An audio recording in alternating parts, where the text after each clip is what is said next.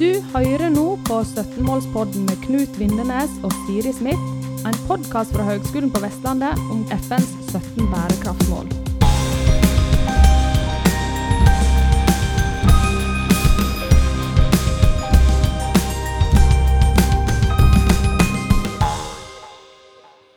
Yes, hello everybody. Today we have a guest uh, with us in this uh, Suttenmålspodden, Arjen Vols. Welcome. Thank you. Uh, what is pronouncing it right? Arjen Wals. It's yeah. I listen to many versions of my name, but that's a good one. Great. And Knut, hello. Hi, hi. Hello. And um, you are a professor with a adjunct position here at HVL and mainly connected to the KINDknow Center, Barnkunnesenteret in Norwegian. Uh, but uh, we are mainly going to talk today about uh, implementing uh, sustainability at universities. Um, but uh, we want to know a bit uh, more about who you are. So could you just tell us a bit uh, who you are and where you have your main yeah. position? So indeed, Arjen Wals. I come from the Netherlands. Was born in Amsterdam. Um, both my parents were environmental educators, Yeah. um, which means that we went outdoors a lot when I was young, um, and developed a kind of a connection with nature early on in life. And we were privileged to have that opportunity. Um, and I think because my parents were both environmental educators, as a good rebelling youth, I decided not to follow that track initially. Yes. I thought it would take too long for six, seven billion now people to start to love nature and to become environmentally friendly. So I I started studying environmental engineering, Hmm. thinking that technology would be a quicker fix of, Yeah. of all the problems we were facing already when I was a teenager in the 70s. yeah. But after two years of studying environmental engineering, I realized that uh, the global challenges are not so much between the North and the South Pole, they're in between our ears, Oh, Ah. in the way we think, in the mindsets we cultivate. Mm. So you're not a technology technology optimist, perhaps? No, I'm a technology skeptic. I think uh, I think innovation can destroy the world. Oh, how? I how? can elaborate on that. Yes. Please. No, I think we, uh, for two, three hundred years in our education, Western education, I must say, that has been exported in colonializing ways Yeah. across the globe. Uh, we have kind of planted the seeds of continuous growth, development, expansion, always uh, wanting to stay ahead of, Mm. of the other, competing, um, focusing our on our own successes, uh, Mm. taking care of yourself, maybe your family, but we haven't really focused on developing solidarity, community, learning how to conserve, a mindful way of conserving, preserving, slowing down. Those are qualities that are equally important, but Mm. receive much less attention.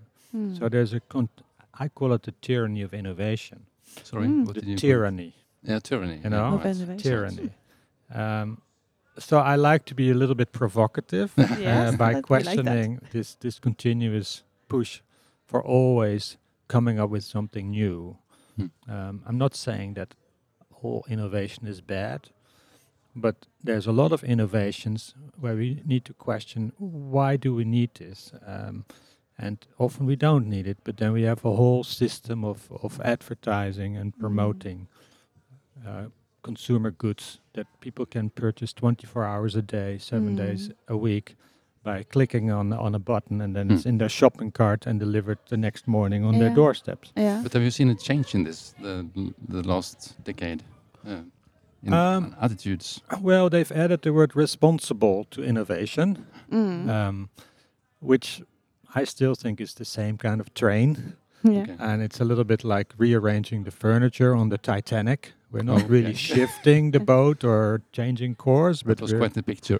we're kind of optimizing something that's highly unsustainable, which may prolong uh, our our our um, the destiny that we're now approaching. Mm. Um, but what we really need is a fundamental shift in, in how we think, the values that we cultivate, the mindsets that we uh, develop.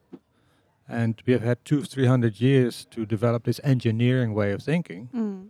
And now we need to have a more relational way of thinking Hmm. that is more holistic, where we see interdependencies, Hmm. where we are more connected to place, where we're more in tune with who we are, and where we Mm. are, without always wondering how can I be better or somebody else, or I need to be somewhere else, or I need to have something new. Yeah. How do we learn to be happy in a way with who we are, where we are, what we have. and what we have? Mm.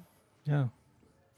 So, uh, kind of, how do we do that? Because do we start with the children, maybe, or what's the solution to this? Well, um, certainly the formative years uh, of children are, are crucial. And uh, yesterday at the conference here on Mm. early childhood and sustainability, um, I, I saw a little uh, documentary of young children here in Norway in a, ch- in a in a daycare center, early childhood center, where young children are playing. They're learning uh, to to experiment. They can actually roam f- somewhat freely. Uh, they have left have space for autonomy, and they can try things out. They can be a little bit disruptive. I Yeah. noted in the film, Mm. and I thought this is quite a, a healthy way of of learning to live together. And I Mm. think in in early childhood, there's a wonderful uh, little poem by Robert Fulghum, and he did this uh, 30 years ago, and it's called "All I Needed to Know I Learned in Kindergarten." Play Okay. fair, share, um, take a nap every Yeah. now and then. yeah. um, I think young children um, see the world holistically as it unfolds, not in disciplines, categories, boxes. That's what they learn later in school and in universities. We're masters of dividing the world up in small We- we pieces, are. but we're not very good at seeing connections and relationships. And that might be the key to sustainability. And in some ways, young children are better at it. Mm. And maybe we need to relearn what we have lost. Mm. So the kindergarten has a, an important function. Yes, and I, I we must also recognize that Norway and also where I come from, the Netherlands, is quite privileged in Yeah. that we have Yeah. these kinds of places. yeah. And even within the Netherlands and Norway, not all children have the opportunity to be in such a daycare center that I saw in that documentary. Mm. So it's also about access and fairness and, and equitable sharing. Mm. Um, and that's part of sustainability, social sustainability. So the technology meets uh, kind of, uh, or the children meet technology quite early, in, in you know, in screens, a mobile screen, mobile phones, and TV. And I just read that, um, you know, that makes them sit there and watch the screen or something on the mobile uh, instead of go out uh, to play. So they were looking for, you know, tree houses in the woods just to to find if there are any tree houses uh, built lately, but they couldn't find any in the, those woods they were searching. There were some researchers. I don't remember now which uh, university or research group who was uh, doing this, but that was kind of an eye opener because that's I, I feel that's that's they can they are playing in the kindergartens and in the schools outside, but when they come home they watch TV Yeah. or play gaming. I mean I I Yeah. like gaming in a you know kind of uh, if it's kind of regulated but uh, if they don't go out to play other than playing football with the teams like uh, w- yeah But Siri, maybe they should build uh, a cottage. uh, I mean, uh, yeah but they don't and why don't they Well. I say the problem is that we as adults are also uh, hooked on that same technology. Yeah, we technology. are. they are yeah and and uh, um, and parents um, they also need to check their phones all the time. so how do you parent when you're on your phone? No, the only way to do that is to also outsource the parenting to the technology. Mm. So you have educational games and and and and, and have your children play those games and, and you're in the assumption that they will learn something and they will. Mm. They'll become uh, um, experts at playing games and, and using the technology, but as a result they become disconnected Mm. from the people around them and disconnected from the places where they live. So we must recognize, and this is where why I talk about the, the tyranny of innovation. Mm. There are people working at top universities in the field of captology, which is the science of capturing your eyeball attention. yeah Companies want you to go to your screen. Mm. If you're walking in the forest, if you're building a tree hut, you're not making any company any money. No. But when you're on your phone, you do. Even Mm. when you're not using your phone, even if, if it's on and in your pocket, you are being mined where you are, uh, what you look for, what you need, and the cookies you accept. Basically, there. This is kind of the last frontier where we have been mining the earth and natural resources for a long time. Mm. We're now mining our minds, Mm. and Oh. it's it's kind of the colonization of our minds. So it's not tyranny of profit, it's tyranny of innovation. Do we need to reinvent uh, innovation, so to speak? Well, I think I just uh, this morning I blogged uh, on my uh, my uh, blog called transformativelearning.nl Yeah. Mhm. Yeah. about innovation. Oh. It's a new concept. I googled it, I couldn't find it. So I think So it's it's a new. new concept. to innovate is to kind of develop this mindful conservatism and preservation where we slow down and can learn to be bored Yeah. on the couch. You know, Yeah. Try to be bored on the couch. It's very difficult. I know. You always have something uh, screaming, "Go back to my, Yeah. go back, come back to the phone, come back to the phone." Mm. And to be bored and to kind of let your mind wander and drift, it's so important for for unfolding who you are. And if you're constantly distracted, when you live in a perpetual state of distraction, then you never get to reflect and think about Mm. meaningful things. Yeah. So I think innovation as a counterforce to innovation is something we need to explore a little more. But it I sounds like it. it. sounds so to speak uh, necessary in order to really innovate in a sustainable way, perhaps. Yeah, so innovation is in itself not a bad thing, where we need Hmm. to respond to changes and learn new things and co create new things in light of something that demands a response. Um, like climate change is hap- happening all over the world, in Hmm. part because of all the innovative things we have developed over time. Right. But it also um, uh, makes us rethink and needs us to rethink um, how we live, and that requires joint learning.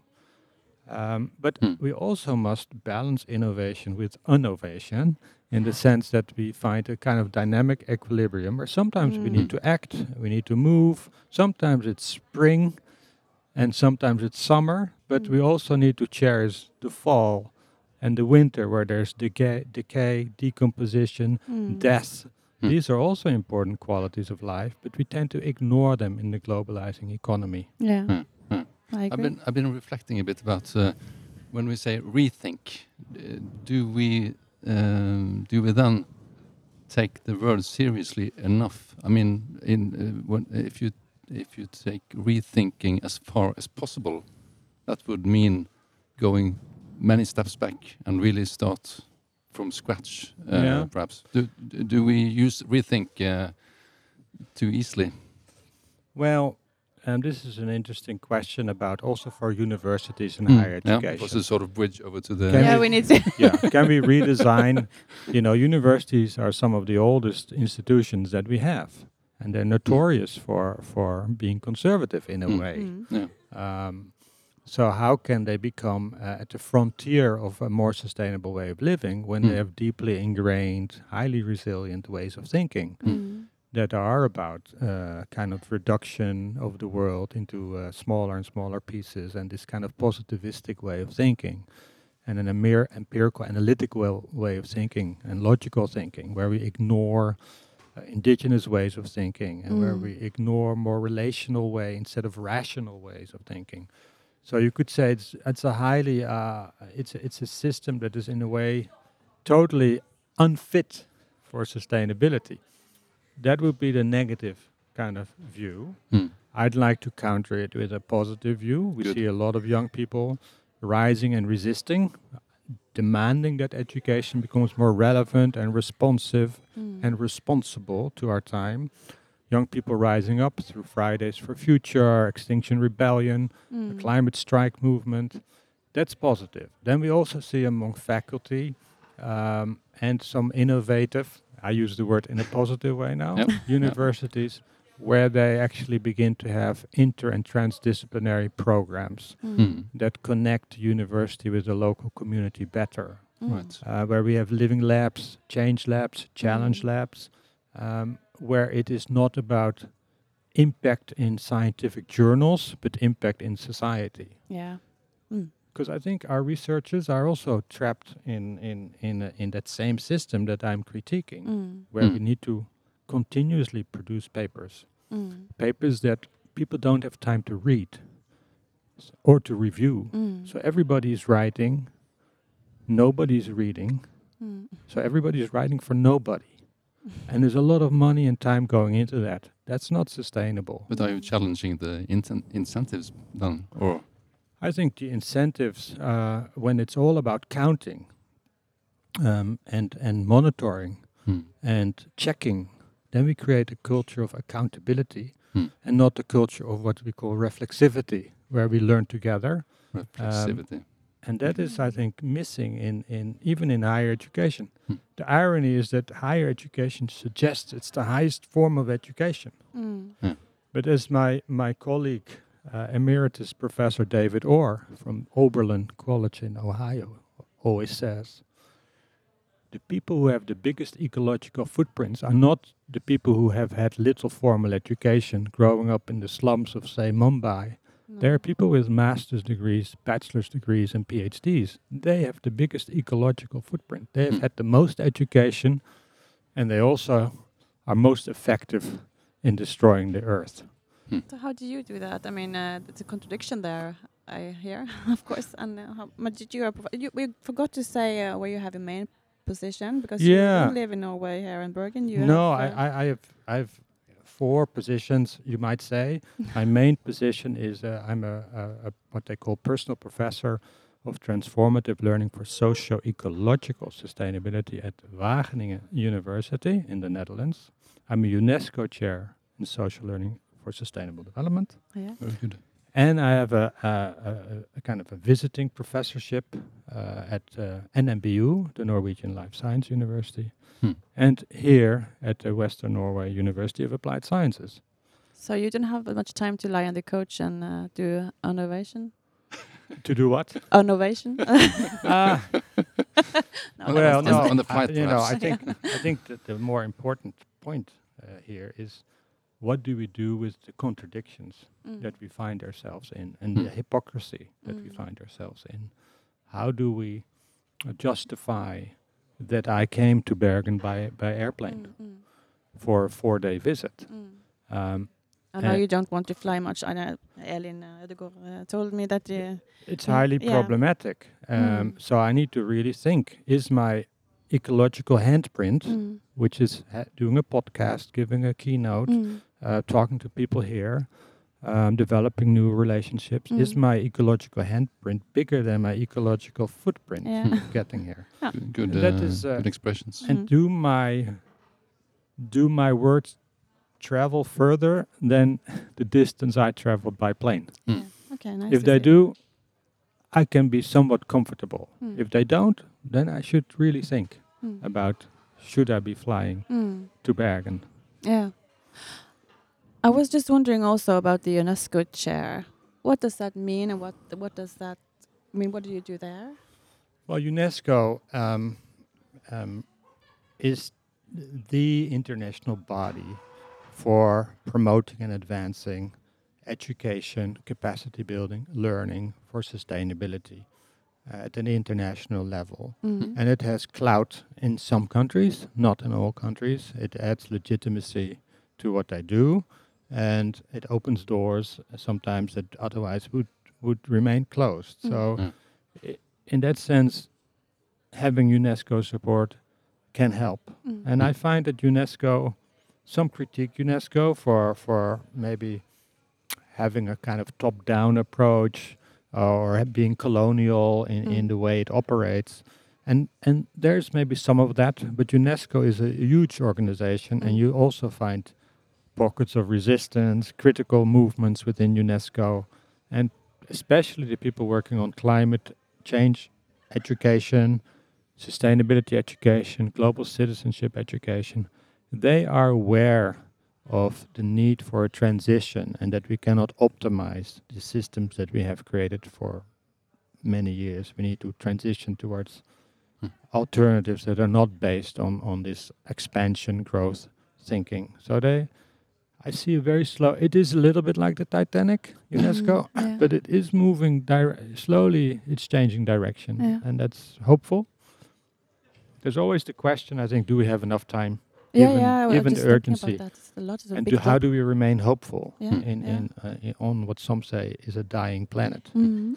I, I then wonder a bit uh, for us here at Høgskolen på Vestlandet, uh, the university here. Uh, what would be your advice for us to get uh, sustainability really in the DNA and be a driving force in the society?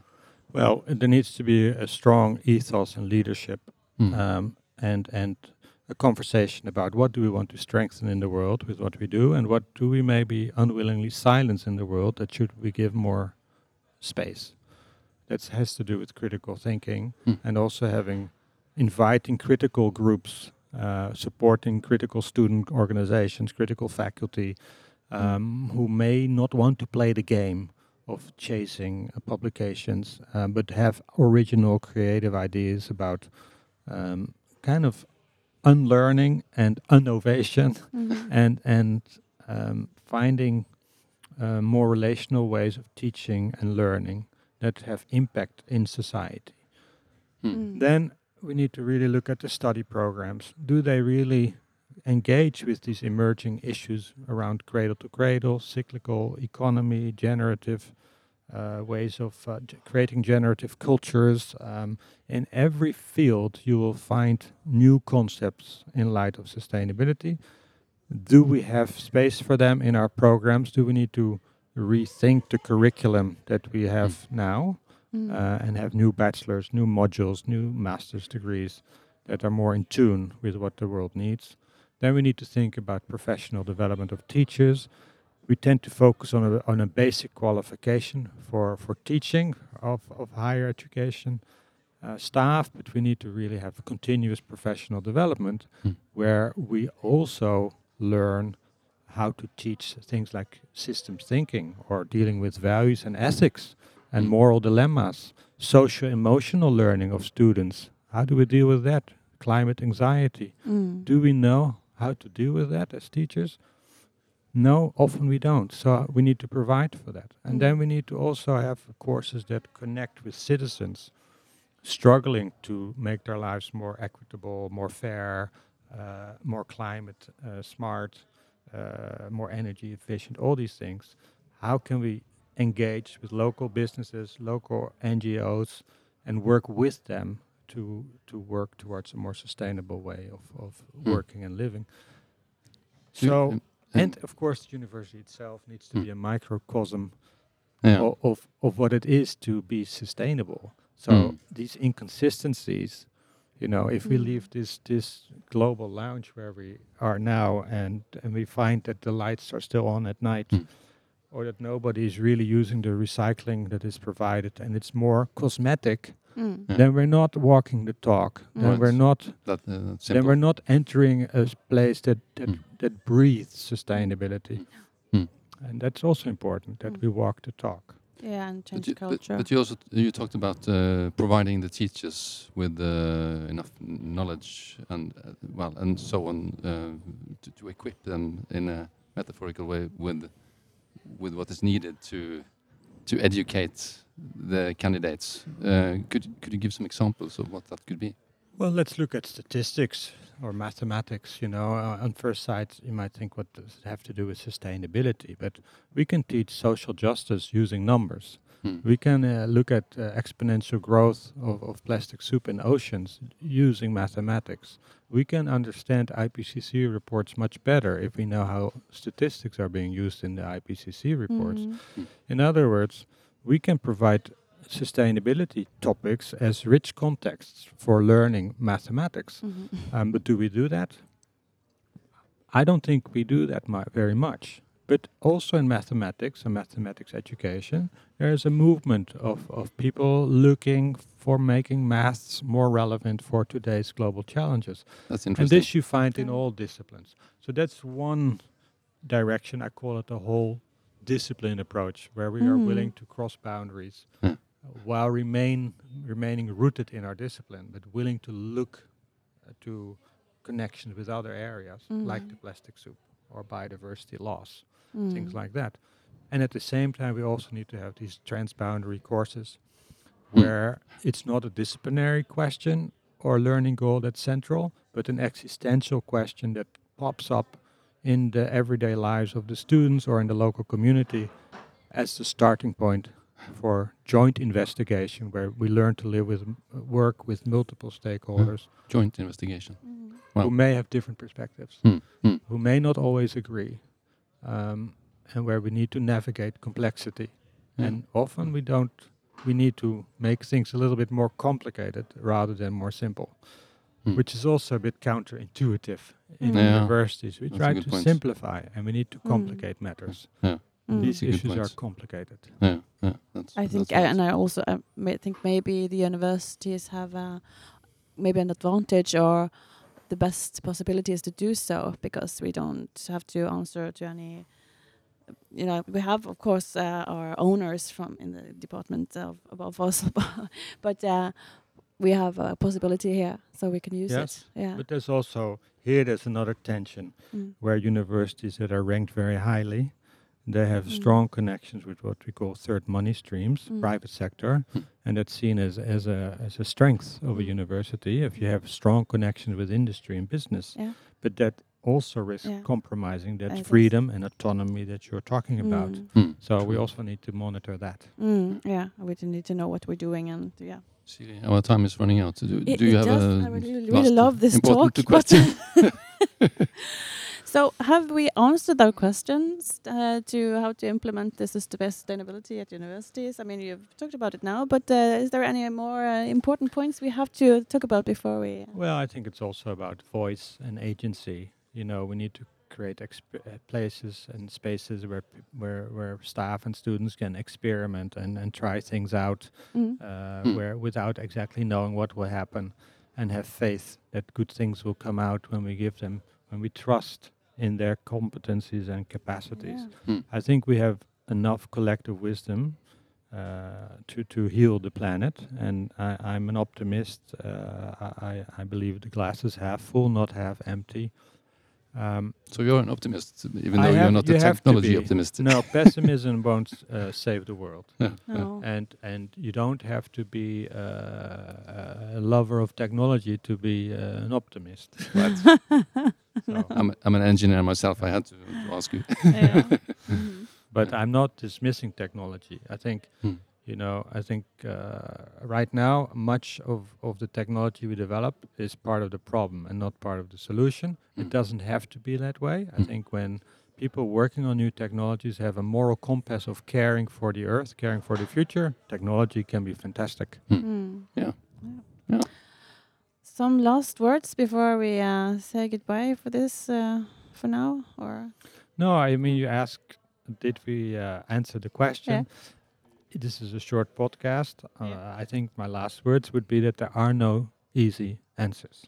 These are complicated, Yeah. wicked Yeah. issues, but Mm. we must engage people, young and old, meaningfully in looking for what might be the best answers given where we are today and what we Mm. know today. Mm. Fully recognizing that the answers might be different tomorrow. Mm, thank you. Yeah. And just before we say goodbye, um, there is a video on YouTube where you talk about these issues with the Finlandic uh, University.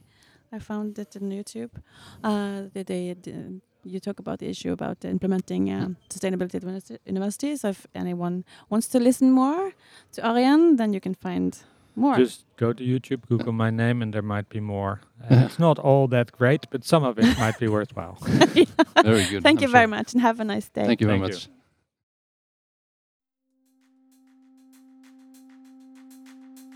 Du har nå hørt en podkast fra Høgskolen på Vestlandet. Du kan høre flere podkaster fra oss ved å gå inn på nettsiden hvl.no. slash podkast.